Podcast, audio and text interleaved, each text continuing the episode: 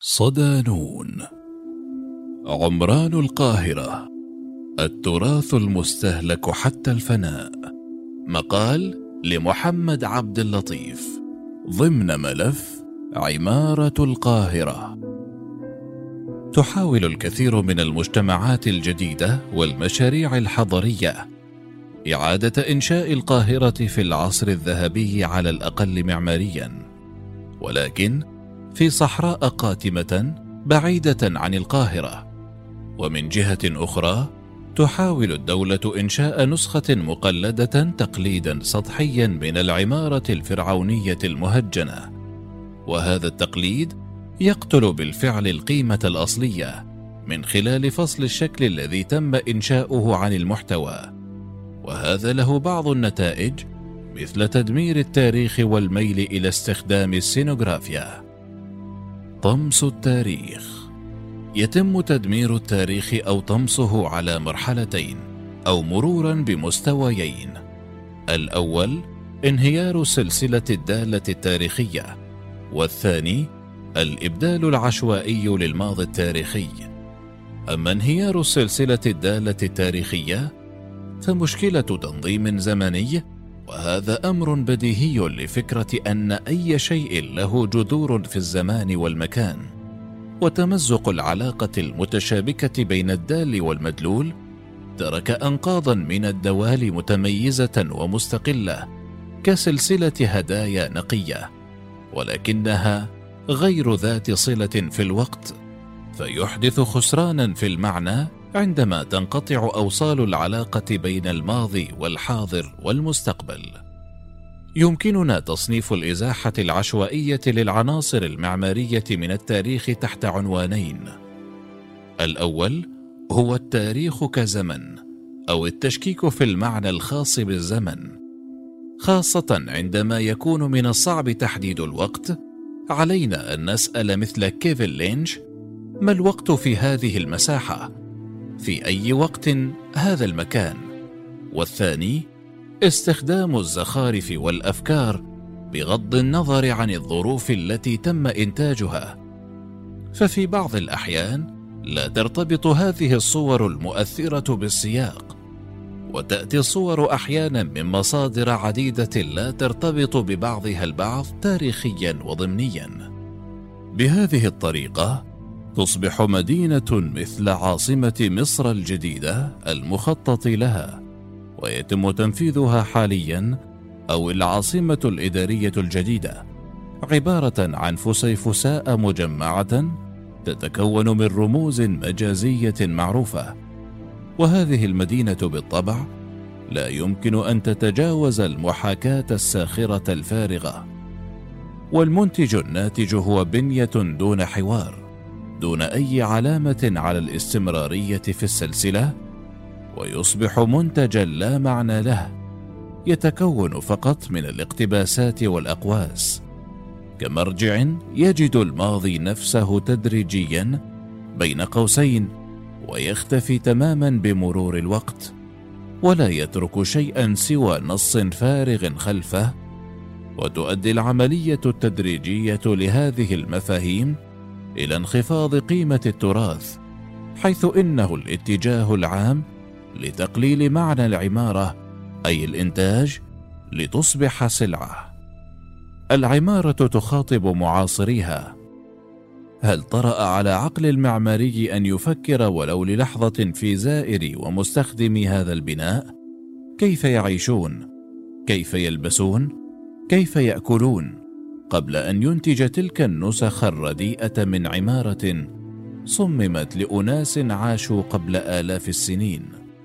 وكما ذكرت من قبل في مقالي نحو فهم جديد للعمارة فإن العمارة الناجحة هي التي تجاوز سطحية فكرة إنشاء مجسم فيزيائي من العدم إلى فكرة الإنشاء الواعي لجعل العمارة تقص علينا ما احتوت. فالعمارة الواعية إذن تحول كتل الطوب تلك من الحالة الفيزيقية إلى عالم ميتافيزيقي يستحق التأمل والاستمتاع. فالعمارة جزء من عدة ظروف محيطة أكثر عموما كالظروف الاجتماعية والسياسية والاقتصادية والثقافية وخلافه وحتى الخصائص المرئية الفيزيائية كمواد البناء وطريقة الإنشاء وخلافه. قد تساهم في حالة استخدامها بشكل موفق في نقلنا إلى ذاك العالم الميتافيزيقي المذكور أعلاه. فالعمارة متأصلة في الوقت والمكان والكيف وتلك المعاني الضمنية التي تحتويها العمارة بالطبع قد تسمح بتفسيرات شخصية مختلفة. بل وتضيف قيمة معنوية أو رمزية مع مرور الوقت إضافة إلى احتمالية تغير تلك المعاني مع اختلاف الزمان. في هذا الاتجاه تصبح الحقيقة بأكملها صورا ومن الأسهل إنشاء هندسة معمارية عن طريق فصلها إلى وجود داخلي مساحات ووجود خارجي صورة تماما. مثل مفهوم السقيفة المزخرفة لروبرت فينتوري. أي انفصال الواقع عن الصورة المعروضة. فالمشكلة هنا ليست فقط في قضية الهوية فلنؤجل الحديث فيها لاحقا. المشكلة أيضا في سطحية هذا الطرح والتقليد الرديء الذي يضر أكثر مما ينفع. فكما وضحت بالأعلى العمل المنفصل عن زمانه ومكانه ليس له أي قيمة بل ويقتل القيم الموجودة بالفعل. ومن السهل في بلد يهمل شعبها تراثهم أن يقول قائل ما المانع من هدم هذا المبنى التاريخي؟ سوف نبني أفضل منه فيما بعد. وقد رأينا بالفعل الكثير من الشعب يعتبر تراثه مجرد حجارة فهل نفعت تلك النسخ المقلدة في تصحيح ذلك أم زادت الطين بالله؟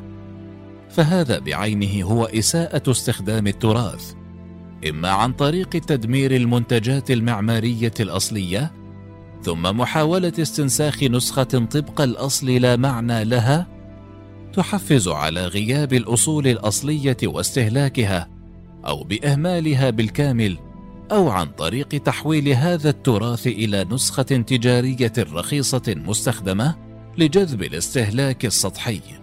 يقول الدكتور والمنظر المعماري علي عبد الرؤوف في مقاله متى يعلنون وفاة الفراعنة؟ المشكلة معقدة عندما نتحول إلى دولة ذات حضارة متراكمة ومعقدة مثل مصر وعاصمتها القديمة القاهرة. التي تعتبر وفقا لآراء أهم المؤرخين الحضريين مع إسطنبول وروما المدينة الأكثر تعقيدا في فصولها التاريخية. يمثل العرض الفرعوني ملاذا امنا في وقت تعاني فيه الدول العربية والإسلامية ومصر من هزائم متتالية فكرية وسياسية واقتصادية واجتماعية. يذكر العصر الفرعوني المصريين بل ويخدرون خدرا لطيفا يجلبهم إلى عوالم المجد والنصر والسيطرة على العالم التي مرت لآلاف السنين. لنتأمل في كيفية استهلاك فن ورموز الحضارة الفرعونية في مشاركتنا المصرية في المهرجانات والمعارض الدولية والمنتديات الدولية. ومن السهل ملاحظة أن هناك عودة قوية للهوية الفرعونية أو غير الإسلامية كمرجع مرئي ليس فقط إلى هندسة المدينة ولكن تقريبا إلى أي شيء يتعلق بالثقافة والفنون خاصة المباني العامة والمؤسسية والحكومية التي توضح لنا تعبيرا عن اتجاه الدولة أو المؤسسة أو السياسة العامة.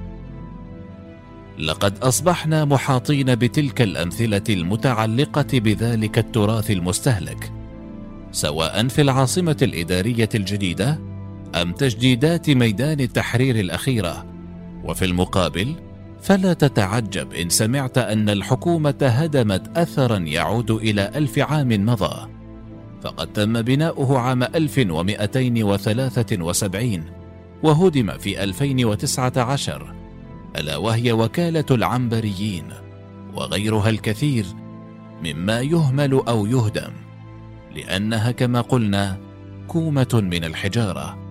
فلماذا لا يتم هدم مبنى قديم مختل وظيفيا واستبداله بمشروع جديد سيوفر الكثير من الأموال للدولة؟